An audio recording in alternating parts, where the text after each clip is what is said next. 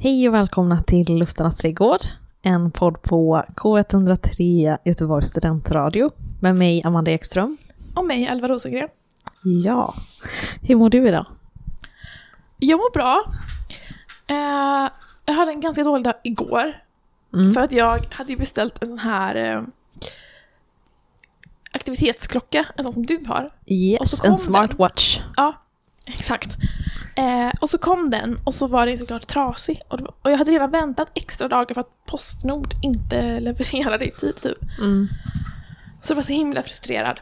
Eh, men sen så tänkte jag, okej, på kvällen då ska jag, nu ska jag använda mitt så positiva tänkande som jag varit inne i. Så. Ja. Allt löser sig och everything works out for me liksom. Mm. Ehm, så då gick jag i morse till Mediamarkt och köpte en annan och så har jag reklamerat den då och den ska jag skicka tillbaka. Så det har löst sig och nu har jag Mm. varit på jättebra humör för att jag har den här klockan idag. Eh, så det, allt gick bra. Mm. Visst Eh, så boostar det känns bra. ens eh, humör? Ja, men det, ja, Alltså jag tycker att det, man, ser, man utstrålar liksom att man är en person som bryr sig om sin hälsa. ja ha Jag tror- jag koll, struktur. Ja, jag tror att andra Mm. människor får mycket mer respekt för en. Ja, ja. Men det är nästan som att de blir lite så här. Oj. Intimidated. Ja, exakt. Ja, för att man är så här en ung tjej som har det typ. Mm, och jag sa det till dig, jag har ju köpt en som är typ lite ljusbärs Mm. Och så hade jag liksom på mig mitt vita linne och ett par rosa träningsshorts och så kände jag mig som en sån här pilates princess tjej på Mm. Pinterest. Och jag, ja, det gjorde mig jätteglad. Mm. Förutom att jag inte var pinsmal då, men Ja, men ändå. det så kändes det väldigt bra. Mm. Eh, så det, det, jag har bra humör. Och igår, det har jag inte sagt till dig, men igår så var jag på min systers skola så här eh, kulturkväll, Mm. eller modeshow. Mm. För de har sytt byxor i, de går, hon går i sexan, och de har sytt eh, byxor i syslöjden, så skulle Mm. alla liksom visa upp sina byxor. Så det var, du vet alla föräldrar satt i publiken och så gick de liksom upp Mm. Typ tre personer var tillsammans och så här, Mm. gjorde de lite poses och Ja, så roligt. små Gud. dansmoves. och det var så kul för att hon går på samma skola som jag gjorde, så jag gjorde också det en gång i Mm. tiden. Eh, och jag fick ju då också träffa gamla lärare som jag har haft. Mm. Och jag var ganska, det kanske var för att jag var på dåligt humör under början av dans och sen när jag åkte dit så var jag redan på så här. Och så kommer de se mig och så kände jag mig som en typ beige teletubbies när jag kom Mm. dit liksom. Ehm, men det var kul och de kände igen mig och eh, de bara så, åh vad kul att ni är här till mig och min tvillingbror då. Mm. Och var väldigt positiva och jag kände, kände sig jättebra. Och jag var också nervös för att jag får alltid ångest när jag ser tonåringar och Mm. unga För de är så coola. Mm, Och har hela kändes, livet framför sig till skillnad från Ja, oss. ja, exakt. Men de här kändes verkligen som eh, när man själv var i eh, den åldern. Mm. Alltså lite såhär små pinsamma. Ja. Eh, de hade innan de började den här motoshowen så var det några som uppträdde liksom, som hade så band vet. Mm. Eh, och så var jag så här, alltså, om det är någon som kommer upp nu och jag här, har supertalang så kommer jag liksom gå och lägga mig i hörnet. ja. Eh, men det var, alltså, så här, det var verkligen så 12-åringar spelar piano. det var jätte, det var kul och det var gulligt. Jag så, så blev bara ah, tänk när jag kommer sitta här som förälder och Mm. mina barn kommer göra sånt här. Det gjorde mig på jättebra humör. Ja, bra, vad fint. Eh, så det var en positiv överraskning. Mm. Nu känner jag mig inte lika rädd för 12-åringar längre. Nej, precis. Men visst känns det inte väldigt inne med eh, alltså modeshower, alltså catwalks? Mm. Jo, kanske. Så det är ganska coolt. Mm. Nej men jag tror jag får upp det mycket på typ så här. Jag får upp det mycket på YouTube, typ så här, på YouTube shorts. Får Ja. upp mycket om typ så här how models bla bla bla och typ så här. Ja, ja. Mm. Ja. Ja, nej, men så Härligt. är det med, eh, så bra i sammanfattning. Mm. Men vet du vad, jag har lyssnat på Billgren Wood podcast. Ja.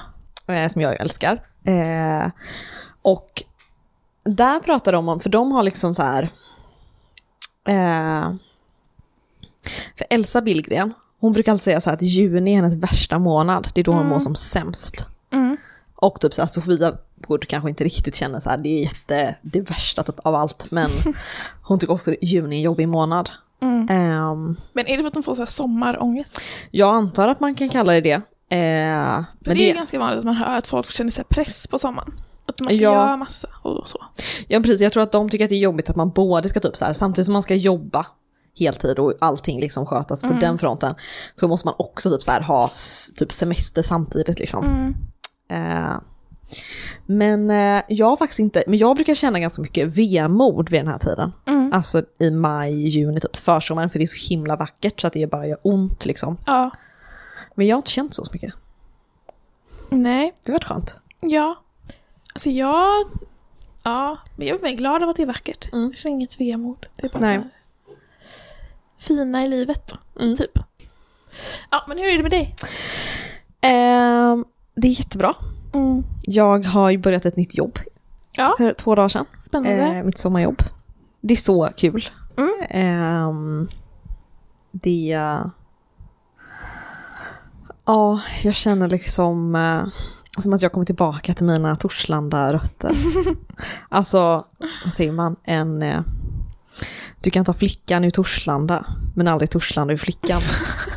Och så känner jag nu när jag Ja. som försäkringsrådgivare. Är det många från Torslanda? Nej, alltså inte från Torslanda specifikt, men det är lite den Samma viben. vibe, ja. Ja. Eh, precis. Nej men det... Mm. Dock så är jag lite rädd typ för att se, jag är väl lite rädd för att se gamla barndomsvänner eller bekanta och sådär. Mm. Och jag har sett, redan sett något namn som var så här, någon tjej i min parallellklass typ och jag bara åh gud. Fast också Ja. lite, hon till exempel, just den tjejen så jag typ så här, ja det ska bli lite kul att se hur hon ser ut ändå. Alltså det ska Mm. bli lite roligt om jag råkar se henne någon dag. Ja, men det är ett Eh. ganska stort kontor blir det väl? Så då Ja, inte det är ju liksom flera tvungna att typ prata med varandra. Nej, absolut inte. Nej. Det är verkligen bara att man kommer gå förbi varandra. Eh, och ingen kommer ju initiera kontakt med mig. Och jag kommer in- inte initiera kontakt med någon annan. Ah. ja. Nej, men alla är supertrevliga. Och jag kan verkligen, det vi pratade om förra veckan, det här med att eh, jag känner mig som en ung tjej. Ja. Alltså det känner jag verkligen här. Att så här för nu är vi liksom, vi som ska sommarjobba, vi är framförallt tjejer. Mm. Eh, och de som utbildar de är också ganska unga tjejer, liksom under, men typ sådana kanske i 30-28 års åldern typ. Mm. Eh, jag bara så här, gud vad det är härligt att bara vara typ med kvinnor. Ja. Men det här är typ som att jag går från att ha, typ så här, ha sommarjobbat och så på typ äldreboende, Mm. till att, som är jättekvinnodominerat, till att gå typ så här, till det här kontoret som också är superkvinnodominerat. eh, ja. så att det, men den svenska arbetsmarknaden är ju väldigt könssegregerad. Ja, det men det kommer jag ihåg när jag jobbade på eh, CSN förra Mm. sommaren. Då var vi också typ fem tjejer och en kille tror jag vi var Mm. i liksom sommarjobbsgruppen. Och då så sa hon, eh, liksom chefen, att så här, förut så hade de, liksom, när de rekryterade, att de försökte ha typ hälften hälften. Mm. Eh, men sen så liksom övergick de till att bara gå på meriter, typ. Alltså Mm. hur mycket man har pluggat, vad man har jobbat innan och sådana Mm. grejer. Och då har det bara blivit naturligt att det nästan alltid är fler tjejer Mm. som, kommer in, som liksom jobbar där. Sen är väl också så, här, så offentlig sektor är väl kvinnodominerad i allmänhet. Det handlar ju säkert om hur många som söker jobben och så. Men eh, Ja, precis. Men, försäkrings, men försäkringsbolag är ju inte offentliga. nej, nej exakt. Men det är väl också så här att många universitetsutbildningar åt det hållet är kvinnodominerade. Alltså jag tänker att de mansdominerade universitetsutbildningarna är väl mer typ ingenjör, Jo, läkare. Och de ja, inte, inte läkare är inte mansdominerat tror jag. Inte? Nej, det är det inte. Det är nog, jag tror att det är max 50-50 idag, eller mer kvinnor. Mm. Eh, nej men jag fattar, alltså det är bara så konstigt att man som kvinna verkligen, om man inte läser eh, till ingenjör, Mm. att man eh, aldrig eh, träffar på män typ. Eller gör man ju ibland, men så här, Ja. det är ändå väldigt intressant att, alltså, jag kan ändå föreställa mig att väldigt många arbetsplatser där jag kommer vara i framtiden kommer vara majoriteten kvinnor. Och det är ändå ganska konstigt liksom. ja. Men jag vet inte, vad gör män idag då? Nej men de, de jo- sommarjobbar väl på typ så här SKF eller Volvo eller någonting. Ja men om, jag menar på typ utbildningar, om de inte dominerar, om de, är de, blir de bara ingenjörer? Ja, de blir ju literally bara ingenjörer och de har programmerare. ingen fantasi. Alltså. Nej men det är ju bara det de blir. Ja, ja. Vad Mm. sorgligt tycker jag. Ja, alltså. Någon ska ju vara det också. Jo, men det hade väl ändå... Hellre dem än jag.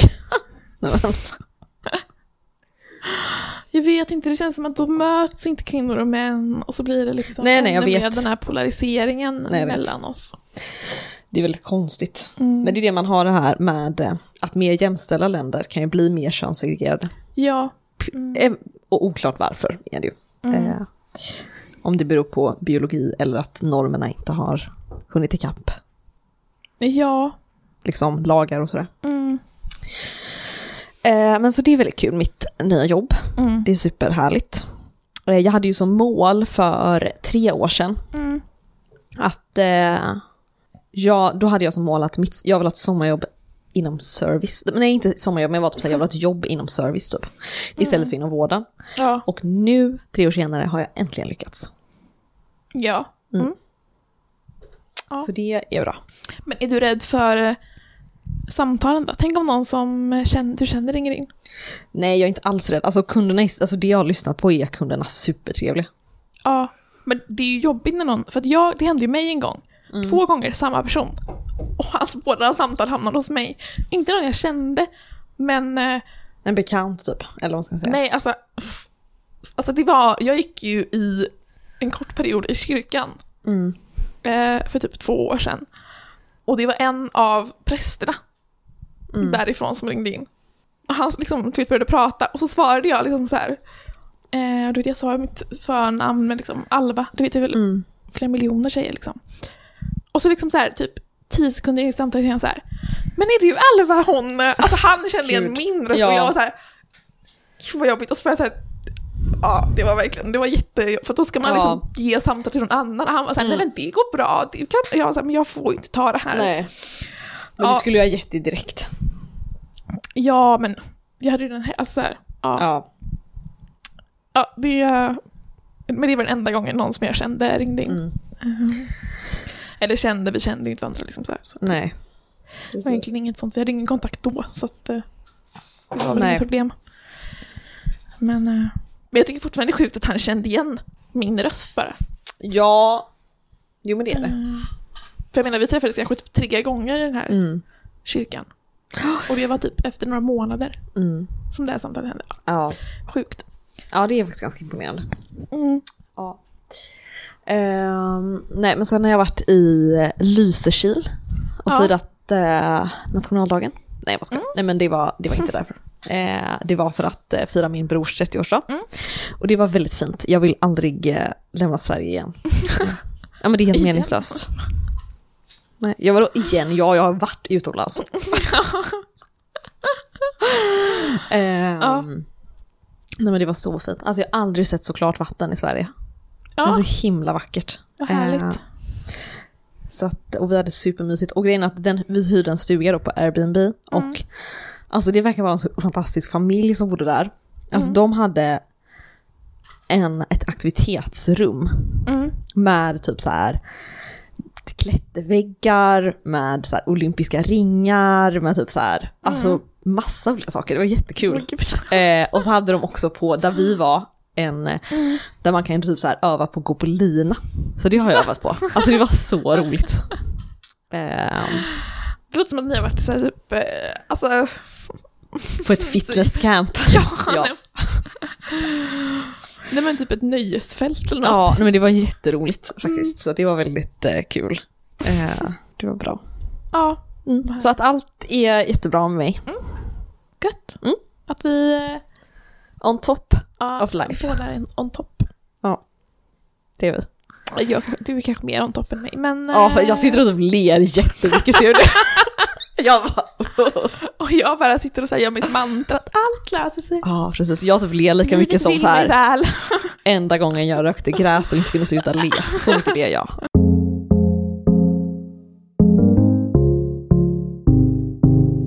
Har du sett, eller jag kollade häromkvällen på den här nya dokumentärserien SD-bögar på SVT Play. Ja, men den har jag också sett. Ja. Ja, men, och vi har sett den helt independent från varandra. Det Ja. var bara ett väldigt lockande namn för oss. Ja, alltså SD och bögar. Finns det någon Finns det någon bättre kombination? Men vet du vad jag tänkte faktiskt på när jag, när jag kollade på så här, när den började precis så var jag så här, här är verkligen en grupp som jag inte behöver känna, för att annars i vanliga fall så brukar jag känna typ så här, nu ska det handla om SD, typ, eller så här, nu ska vi tänka på SD-väljare, så brukar jag vara lite så här, Ja. tycka lite synd om dem och vara lite så här, ja det är ju jobbigt för dem, eller så här, de är så himla fattiga typ eller någonting, det kanske de inte ens är, men så här, de är, vinner inte på globaliseringen, det är så synd om dem, typ så. tänker jag ibland, delvis. Ja men det är om man tänker på SD som ett arbetarklass. Ja, eh, precis. parti, liksom. Eh, och när jag tänker på bögar så brukar jag också tänka typ såhär, ja det är synd om er, ni Mm. så eh, förtryckta. Eh, nej jag kommer inte ihåg vad jag skulle säga. Ja men typ såhär, ja, Ja, men det är ja, klart men såhär, fattar. Mm. ja. Eh, men så då när jag såg orden tillsammans så var jag typ så här. nu är de här grupperna som jag vanligtvis brukar ha lite så här. ja men då tycker jag, ja men typ så här, inte som att när jag hör typ att någon är bög brukar jag tycka synd om den här personen uppenbarligen. Men du fattar i det kontextet liksom. Ja, mm. Eh, nu var det typ så här, nu kan jag bara tänka att ni är as typ. alltså, ni är regelrätta as typ tänkte jag lite grann. ja, nej men jag... eh, Men å andra sidan har de ju också säkert Mm. poänger så att det, ja. Ja. Men eh, Men jag, ja, han, eh, vad heter han, Erik eh, Galli? Galli, ja. Han gjorde ju också en om så här skönhetsingrepp Precis, och den ja. också, så jag tycker han är väldigt eh, Jag bra såg också den. Ja. journalist liksom. Mm. Det känns som att han gör, allt han gör är, faller liksom i min smak, saker jag vill titta på. Ja, jag tyckte den här föredrog jag nog över skönhetsgrejen. Men ska vi berätta Mm. Ja. lite om den här dokumentären? Ja. Den handlar ju om, det är väl egentligen att han, Erik Galli då, har fått nys på en, nu fan, nu kommer jag inte ihåg vad han heter, en eh, aktivist som är eh, gay och han är liksom, han kommit som typ flykting från Jemen. Mm. Eh, och han är väldigt, eh, Det är han som skriver för Bulletin. precis, vi kanske borde kolla upp vad han heter ändå. Eh, Jag, vet, jag, jag har sett honom på Twitter en del innan, men jag kommer inte ihåg vad han heter. Han heter Luai någonting. Undrar vad han heter i efternamn. Luai Ahmed. Ja. Ja, precis. Ja, men han har sett, eh, Erik Galli då har sett eh, en kille som heter, eller en aktivist, eh, Mm. Luai Ahmed. Är en som- politisk kommentar, en politisk- eh, opinionsbildare typ. Opinionsbildare, ja. Mm. Som han har sett på ja, men olika debatter och sådär. Mm. Ja, han har varit mycket på SVT och så. Mm. Och han tycker ju då att eh, eh, Ja, men han är ju både homosexuell och eh, invandrare. Ja. precis och liksom, eh, ja men han menar ju att invandring ska, kan skada liksom Mm. homosexuella. Att det gör den mindre trygg för, ja Sverige mindre tryggt för dem helt enkelt. Mm. Eh, medans eh, samtidigt så, till exempel den bakgrunden som han Erik Galli då har är ju att SD, eller anledningen till varför det här SD och bög inte passar ihop är för att man tänker att SD är väldigt, nej, hatar bögar liksom. Ja, men att de har liksom varit ett parti som har varit anti typ eh, samkönat äktenskap och så Mm. förut. Nu är de inte det längre, men de har ju, och bara som man skrev i debatten idag, liksom, de går väldigt mycket på drag queens och så. Mm. Eh, alltså när de, när de tar upp diskursen om homosexuella så är det ju sällan det är, eller hbtq-personer så är det ju sällan i ett positivt ljus kan man säga. Nej, exakt. Mm. Ehm, och Ja, men sen så går ju han, Erik Galli, och liksom följer olika personer, både den här Luai mm, och sen en EU-parlamentariker från SD som också är homosexuell. Eh, och sen åker han till USA och hittar någon att prata med. mm, En, en drag queen som liksom är konservativ och väldigt så här supporta Trump. Texas-konservativ eh, Mm. amerikan. Och ja, men försöker väl så här förstå sin, en, få en bild av det här. Och jag, alltså jag alltid, men det var ju som du sa, du påminner mig om det, det hade inte ens jag tänkt på själv, men att så här, när jag skrev min C-uppsats så skrev jag om Ja. just det här, om postmaterialistiska sverigedemokrater. Mm. Det vill säga folk, min fråga i min C-uppsats var ju om om det finns någon, om det finns väljare till Sverigedemokrater som har postmaterialistiska värderingar, det vill säga feminism, eh, att de är liksom för hbtq-rättigheter och så, och som ser invandring som ett hot. Mm. Ehm, för att invandring skulle då importera, vad säger man? Ehm, Mer ja, konservativa, konservativa värderingar. värderingar. Eh, det jag såg var att det inte var så. Eh, Mm. men- det var ju bara en C-uppsats så den kan ju inte säga något sånt där liksom. Nej men det är ändå ett tecken på det. Men, ja. Men, men jag tycker man ser det, speciellt i Amerika så ser man ju ändå en del, jag var liksom inte förvånad över att det fanns SD-bögar. Så tar man bara Amerika, det finns ju liksom Blair White som är en transkvinna som är jätte så här, inte jätte, men hon är konservativ Mm. och så. Det finns ganska många eh, liksom opinionsbildare i USA som är så. Och sen har man väl inte sett det i Sverige, men det kanske är mer, tänker jag, för att eh, för att vi inte har samma klimat på sociala medier där det är så mycket opinionsbildning. Eh, Nej. Nej, exakt. Nej, men jag tänker lite grann att det är så här...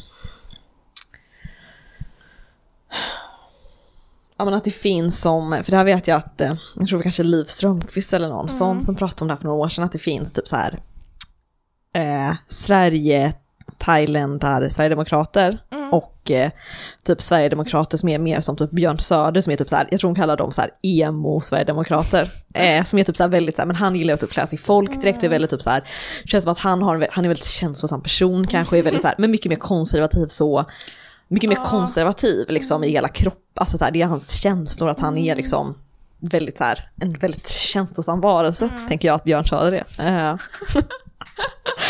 Ehm, Jag vet inte om jag delar den bilden, men eh, visst, jag köper det. Sure. Ja, medan man tänker typ så här mer, eh, typ eh, de andra Sverigedemokraterna som är så här Sverige, med svenskar som bor i Thailand och som röstar Ja. på Sverigedemokraterna, fast som inte bor i Sverige ens. Men, men de känns ju inte som att de är typ så här jättekonservativa i sina Nej, de värderingar, alls utan de de vill ju bara, de är ju mer anti liksom det här, ja men anti Ja, Men det är anti-invandring, men det är inte det här nationalistiska i sig. Nej, precis. För då borde de ju bo i Sverige. det är väl kanske mer den här klassgrejen, grejen tänker jag. Där. Ja, kanske. Men också bara typ... Ja, men det kan också vara... Ja, kanske en klassgrej. Ja, alltså Men hur att, fattig kan man vara om man flyttar till Thailand? Kanske fast jättefattig. grejen är att det är flyget till Thailand kostar mycket, men Ja, om kan man du där flyttar gratis. dit så är det jävligt billigt att bo där som svensk. Ja. Ehm, så Ja, det är sant. alltså det är, det är verkligen inte så att det är en överklass. Nej, nej, det, är, det, finns är absolut det, inte en det- överklass som flyttar Det till finns ju Thailand. definitivt många eh, män i arbetarklassen som åker Ja, dit. Det tror jag absolut inte liksom nej. är något som... Nej. Ja, nej, men vad tyckte du? Vad- hur eh, fick du några nya insikter av den här? Ehm, Från mig? Nja, inte direkt. Mm. Undrar om jag har sett alla avsnitt. Jag kanske bara, jag såg två tror jag i alla fall. Mm. Det kanske fanns fler. Ja, men jag, det fanns tre. Eh, men jag...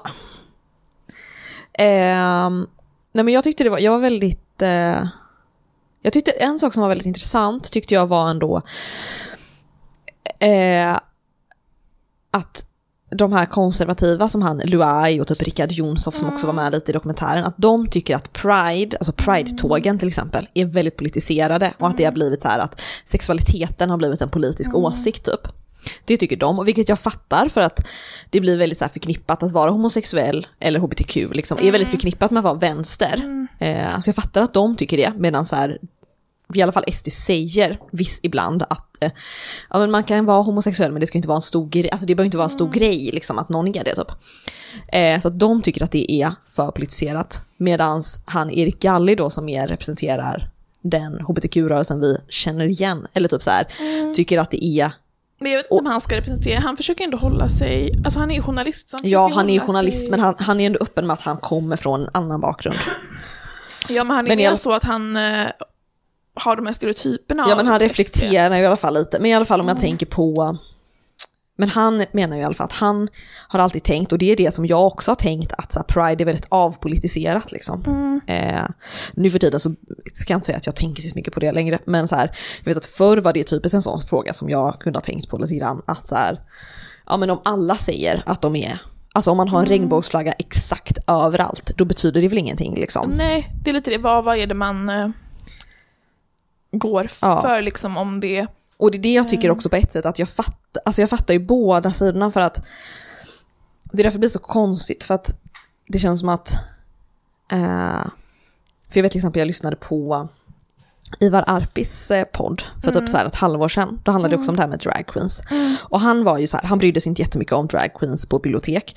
Men han lyfte ändå till exempel att om man har, tror på så här genusteori, och så, alltså man tror på typ så här queer-teori, eller så här, man, den typ av personer som är den typ av aktivister, de vill ju luckra upp eh, normer liksom, och förändra normer. Och det behöver inte vara något fel i det, men om man till exempel inte tycker att normerna ska förändras, utan tycker de är ganska bra som de är, så är det inte så konstigt att man är kritisk mot att någon försöker typ luckra upp normerna, så att säga. Nej. Eh, så det är liksom så konstigt att å ena sidan finns det en grupp med typ så här, om vi säger typ så här, the real hbtq, som är typ så här, de superseriösa liksom. De kanske tycker att pride har blivit hijackat av alla möjliga. Så bara så här, ja men kärlek är jättefint oavsett vem det är. Men det är inte alls någon liksom kritik av patriarkatet, eller det finns inte alls någon djupgående kritik av någonting. Nej. Samtidigt som högern då tycker att det har blivit, ja jag vet inte, det är bara så här, Mm. Nej, men jag tycker, det, jag tycker ändå det kan vara intressant att så här reflektera om, om Pride-tåget. För alltså dels att jag i ett annat K1, i K103 fredagsprogram Morning Glory intervjuade jag en eh, eller det var en gäst där som var, han är väl eh, en av de som anordnar Pride, jag kommer inte ihåg vad han heter. Men eh, jag tyckte ändå han, när man lyssnade på honom så var det verkligen så, men det är inte bara så här, oh fest, fest, fest, typ, utan Nej. det var verkligen så, men vi ser de här attackerna på eh, drag queens, han beskrev Mm. hur de var ute i skolor och pratade med ungdomar att de har sett en ökning det senaste året typ bara. Eh, av att eh, men folk i högstadiet och gymnasiet är så, nej men eh, det finns bara två kön och eh, det här är fel och alltså så här. mm, Eh, och att, eh, ehm, att det, liksom, det finns verkligen ett, ett behov av, av Pride för att det finns så mycket röster. Liksom, och jag tror att det speciellt kommer från so- sociala medier. Liksom, eh, mm, att eh, ja, men ungdomar liksom inte påverkas i andra riktningar och då tycker jag det finns ett större behov liksom, av mm, Eh, ja, men, ja, då blir det lite mer, mm, men mindre en parad och mer en manifestation kanske. mm, Eh, så jag tror verkligen det finns här, att om man verkligen liksom men, Pridefestivalen tror jag att man kan gå dit och bara se det som en fest, man kan också gå dit och liksom de har ändå föredrag som pratar väldigt mycket om liksom mm. och inte bara om hur det är i Sverige men också försöker belysa hur det är i andra länder Mm. och så. Eh, Men sen tyckte jag det var intressant, jag såg det idag. Eller det kanske inte var så intressant, jag vet inte. Men jag, det, jag, har bara, jag tänkte på det idag för att jag såg en TikTok av Mm. en, det finns, jag vet inte om du har sett den, men det finns en strippa som gör TikToks. En svensk? Mm. Ja, är det hon? Ja, men jag tror Hon jag har sett jobbar henne. på Chat Noir. I Göteborg? Mm. Jaha. Och Jag tror jag har säkert sett henne, för ja, jag har sett en hon strippa eh, som är fick i alla fall, hade i alla fall fått frågan om hon skulle gå i West Pride. Mm. Eh, och sa nej. Och det sa hon för att West Pride har aktivt sagt att de inte vill ha Chat Noir i Ja. tåget. Mm. Och jag började fundera, alltså så här, för hon, jag vet inte, hon, eh, hon presenterade liksom inte deras argument så att jag kunde inte säga vad, vad, deras argument var.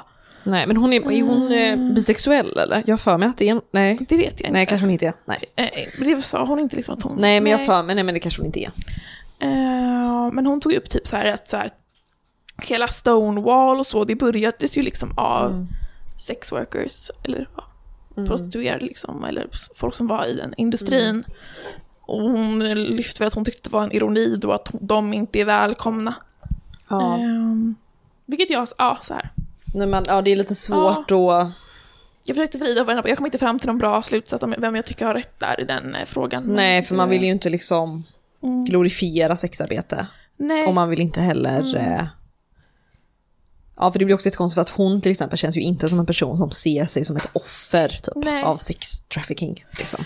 Nej, nej. Så att, eh, eh, sen är inte hon, sen ska man ska säga att hon inte är prostituerad utan hon är strippa. Hon är strippa, ja liksom. precis. Men jag menar om de... Men det är ju ändå samma värld, det, ja, går ju åt samma håll. Det, ändå, det räknas ju som Mm. sex worker, Ja, typ. ja. I Så USA om, i alla fall. Om, eh, ja, nej men om, eh, om West Pride har liksom ställningen att de inte stödjer det, eller Mm. det vet jag inte om de har. Men om de har det så förstår jag att de, då kan jag förstå att de säger, alltså så här, Ja, absolut. ja jag vet inte, jag tyckte det var lite intressant. Mm. Jag förväntade mig inte riktigt det tror jag. Nej. För att man hör så mycket, men det kanske är just det att det kommer så mycket röster att, så här, som säger att ja, men från, från högern och konservativa som säger att Pride är så himla sexualiserat och det är bara folk som går Mm. nakna och det kanske är därför de försöker ta avstånd från typ strippklubbar. Ja, bland annat, men det är säkert också att det är... Ja, att de kanske är tveksamma. Mm. Jag vet inte. Ja. Ja. ja men väldigt intressant. Mm. Jag vet inte, det känns inte som att eh, man har något eh, klart svar. Nej. Utan så här, men det är också Men så här, det känns det ju, som att vi i början på den här eh, Det känns som att jag förespråkade något med min C-uppsats här. Ja men det gjorde men, du definitivt. Ja, jag är så före min tid. Nej men att jag tror verkligen att det, för det har ju definitivt gjort i USA, men att det definitivt kan kommer komma till Sverige också, att så här, det blir större split- splittringar, liksom, att det inte blir lika mycket så här, det här är vänster, det här är höger. Eh, utan att vi mycket mer kommer se det politiska landskapet och typ det här kulturkriget omdefinieras. Mm.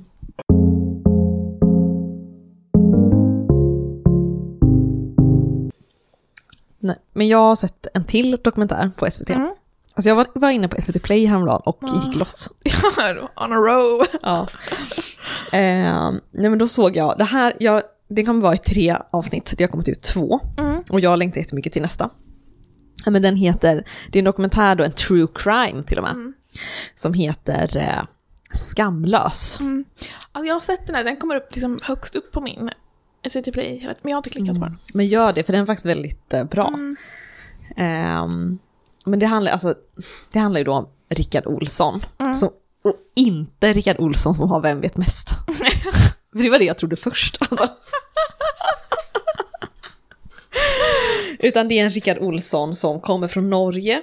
Och eh, så har han startat typ så här något eh, advokat... Eh, eh, i Sverige som heter Rive typ, tror jag. Eh, det har gått i konkurs nu tror jag. Men eh, eh, i alla fall så är liksom historien att han är en bedra- bedragare, liksom en svindlare och han liksom scammar alla kunder hela tiden och de, de säger typ så här att facken, att de vänder sig, det är en advokatbyrå då inom, eh, inom eh, arbetsrätt.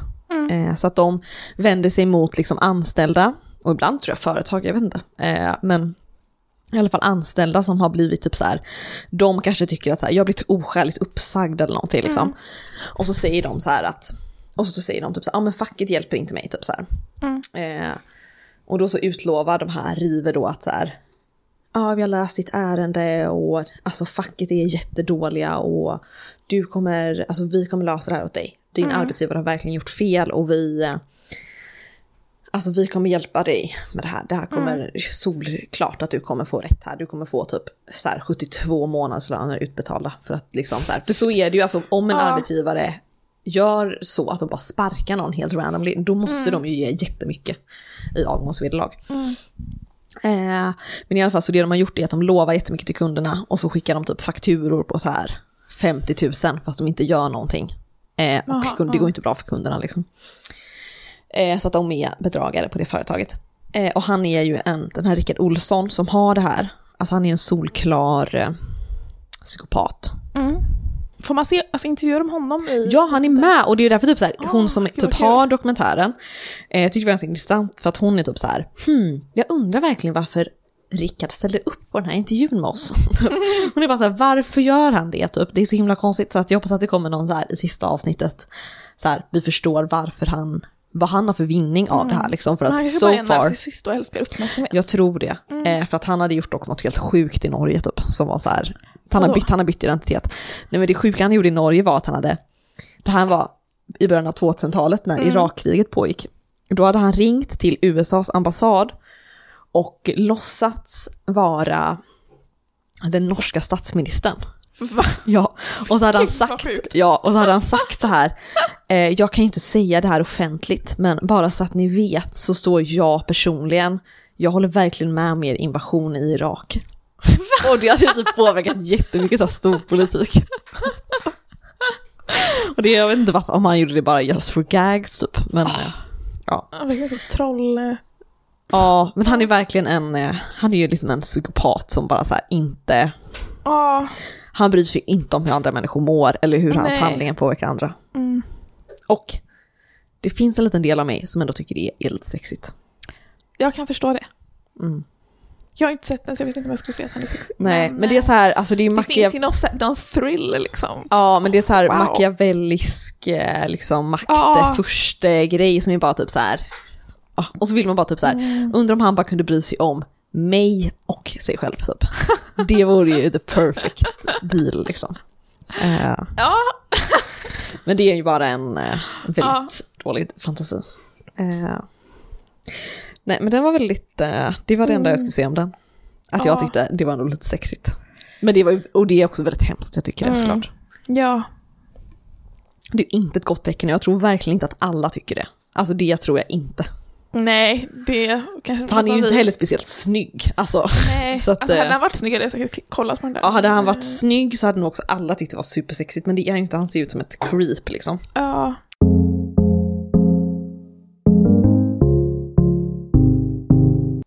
Jag har ju hängt en del på TikTok. Ja, men jag trodde, Vanligt. först vill jag bara säga att jag trodde det var raderat TikTok.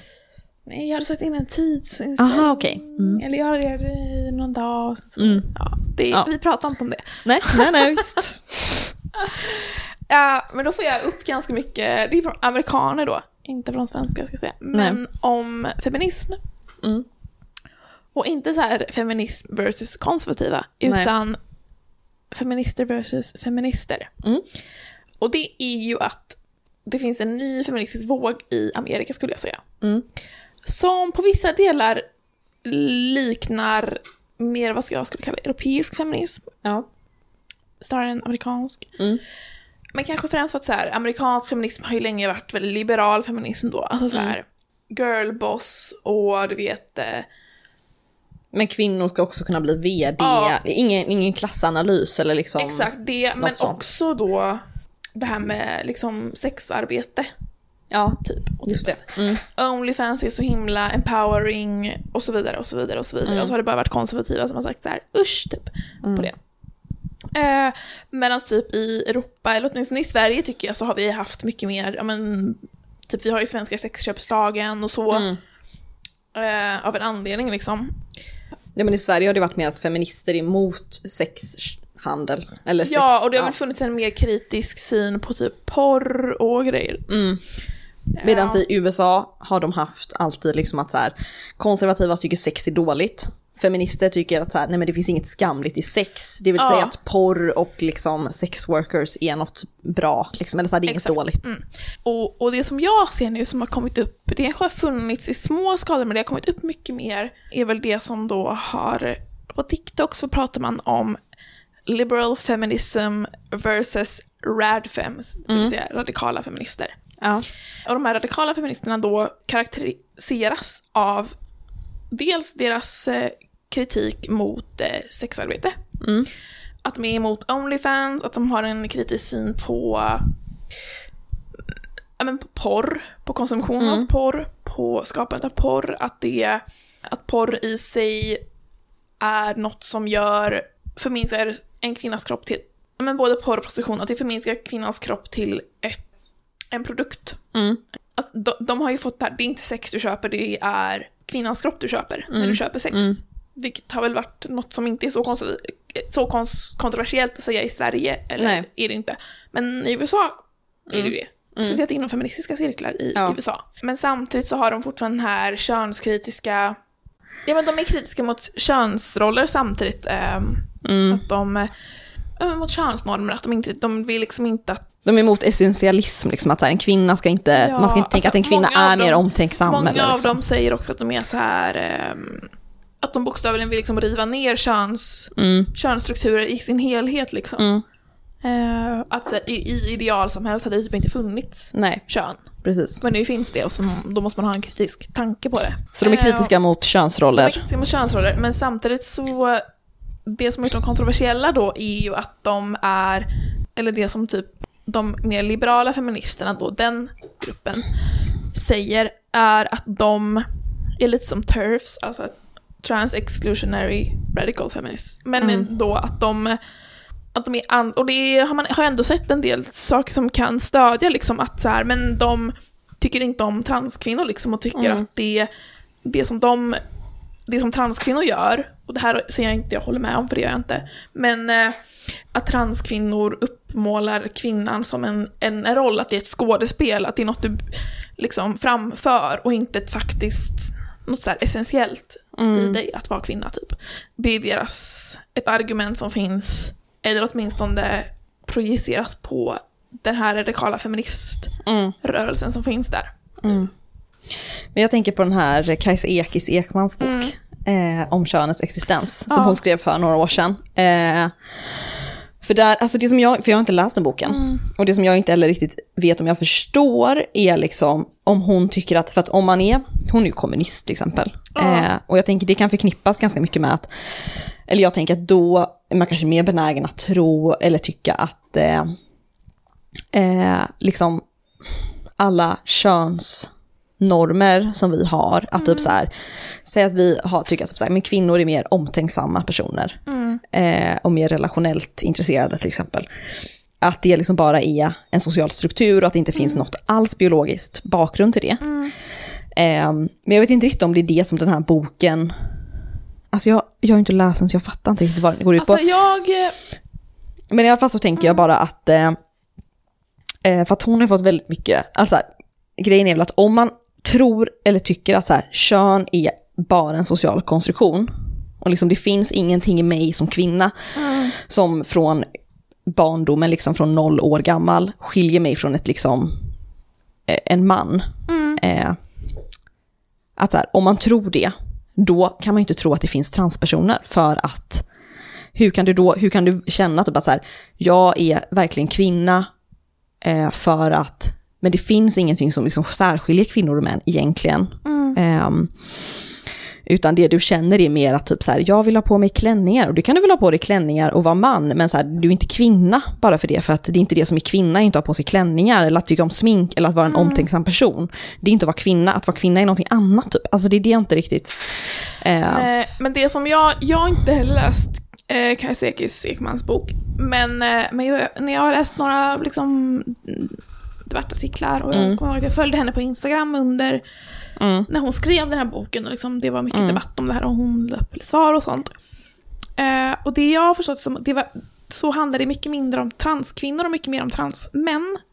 mm, Och det skiljer, tror Ja, jag det, från liksom, vad den här diskussionen som handlar om radikala feminister nu. För att det som Kajsa Ekis Ekman, och det finns också i, eh, i, eh, i USA, jag vet att det finns en eh, bok av en amerikan eller britt, nu kommer jag inte ihåg vad, men eh, någon, ja, som handlar om en liknande sak, men det är det här perspektivet att det är unga tjejer som, eh, i deras, i deras ord nu då, unga tjejer som väljer eller som identifierar sig som män eller icke-binära och sen väljer då att eh, typ gå igenom en könskorrigering typ. mm, Och enligt de som tror det här då, jag säger inte att det är mina ord, men eh, enligt dem så är det här liksom att man, eh, att, att, att så många, för att man har ju sett då rent statistiskt så har man sett en väldigt stor ökning i unga personer som är födda som kvinnor som, som sen identifierar sig som eh, män eller icke-binära då. mm, Och det har då bidragit till att folk tycker att det här beror på att de här är inte alls transpersoner utan de är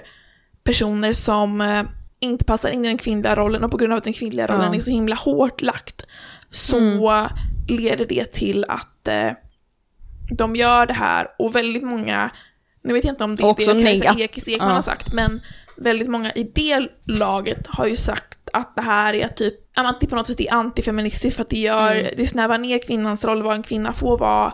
Och så fort du är utanför det så måste du vara något annat, det vill säga icke-binär eller man. mm, Det är ju lite det argumentet, medan det jag skulle säga nu, på, som jag ser på TikTok, i den här diskussionen om radikala feminister versus eh, liberala feminister, är ju att eh, det handlar mycket mer om transkvinnor. Det vill säga någon som är född som man, som könskorrigerar sig till kvinna.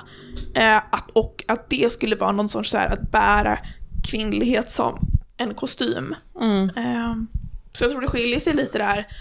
Men, men det kommer väl ner till samma fråga att det är feminister som sen också anses och liksom feminister som ändå även har liksom klassanalys i sig, Mm. men som på något sätt blir intersektionella men sen tar ut transpersoner i frågan just. Mm. Och liksom lägger någon skuld på transpersoner och... Eller inte ens skuld. Men man jag kanske jag inte vet inte om jag skulle säga att, det, att, det, att de lägger skuld på transpersoner, Men det är ungefär att som att- Mm. de, att de ändå ger en kritik mot transrörelsen. ju Ja, men det är väl ungefär som att man skulle tänka att det är att transpersoner är liksom på något sätt internaliserad misogyni. Alltså det är som att man typ, man ska ju inte lägga, att om man är kritisk mot så här, att kvinnor är typ så här, nej men jag är inte som andra tjejer utan jag tycker mer om att umgås med män eller vad det nu kan vara typ. För att män, killar är så mycket lättare att det, är, det kanske är sexistiskt av de kvinnorna, men man kan samtidigt kanske inte lägga skuld på dem för det, för att de har ju växt upp i liksom ett patriarkalt samhälle.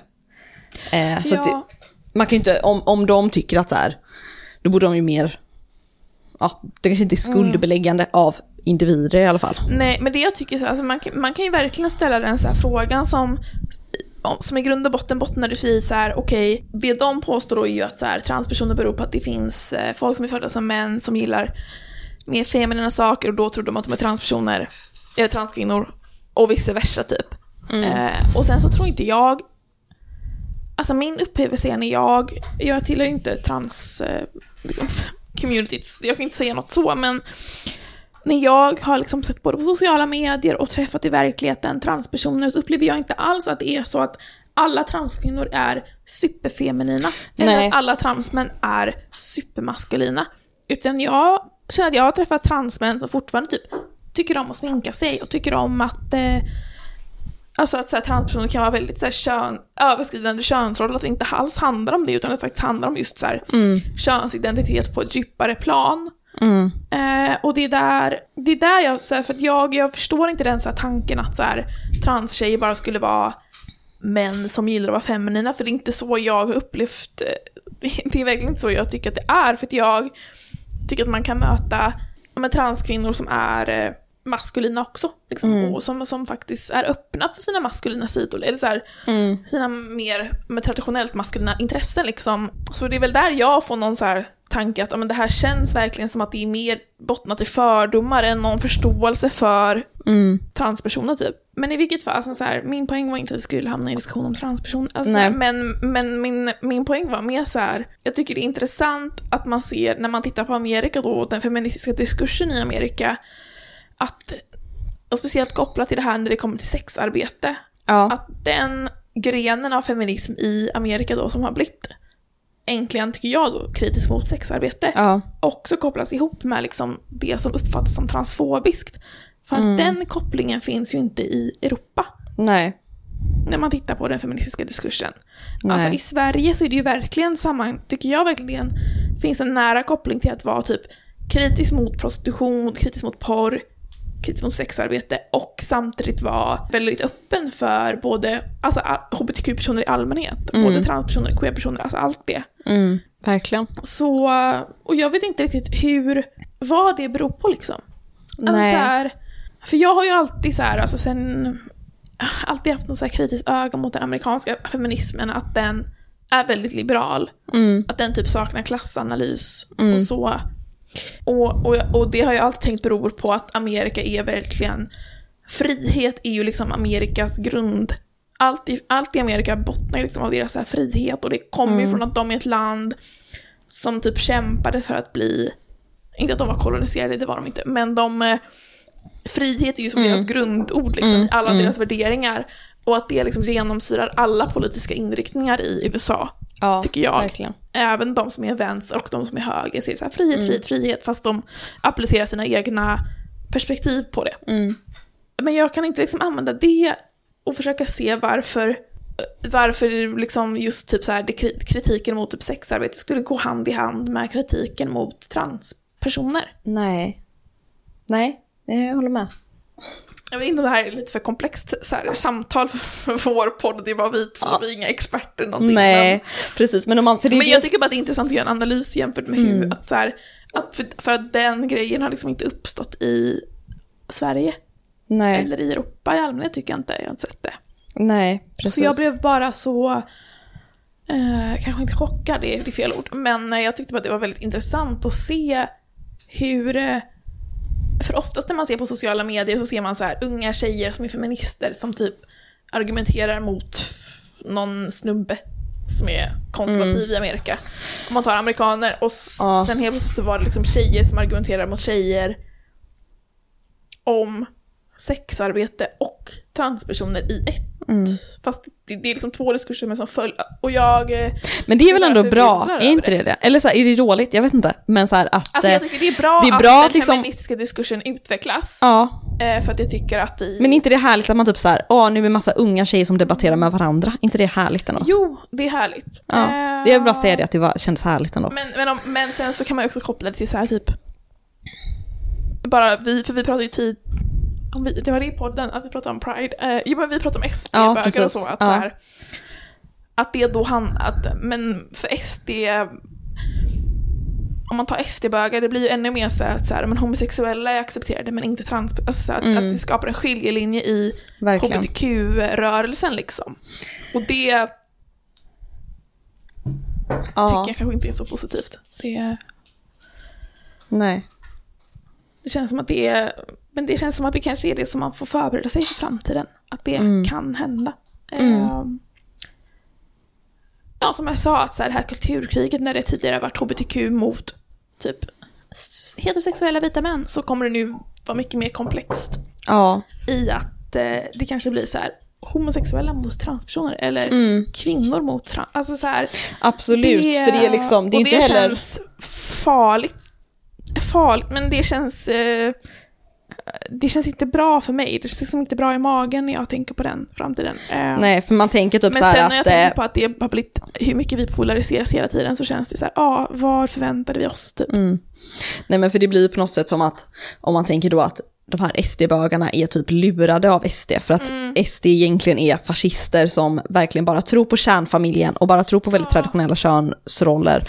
Mm. Och liksom, eh, men det finns ju ingenting som egentligen säger att fascismen måste vara just att man tror på den heterosexuella eh, kärnfamiljen. Alltså fascism skulle lika gärna kunna vara att man tror på den liksom binära, binära kön, men Mm. kanske ändå typ att så här, ja homosexuella får adopteras, två vita homosexuella män adopterar eh, några barn typ och det är typ en kärnfamilj och så här, det skulle mycket väl en sverigedemokrat tycka var bra liksom. Ja, För att det, men det är så här, ja. Men det, ja, för mig så känns det lite så, vi accepterar er, det vill, alltså så här, vi accepterar folk utanför normen så länge ni gör ert bästa att passa in i normen. Ja, exakt.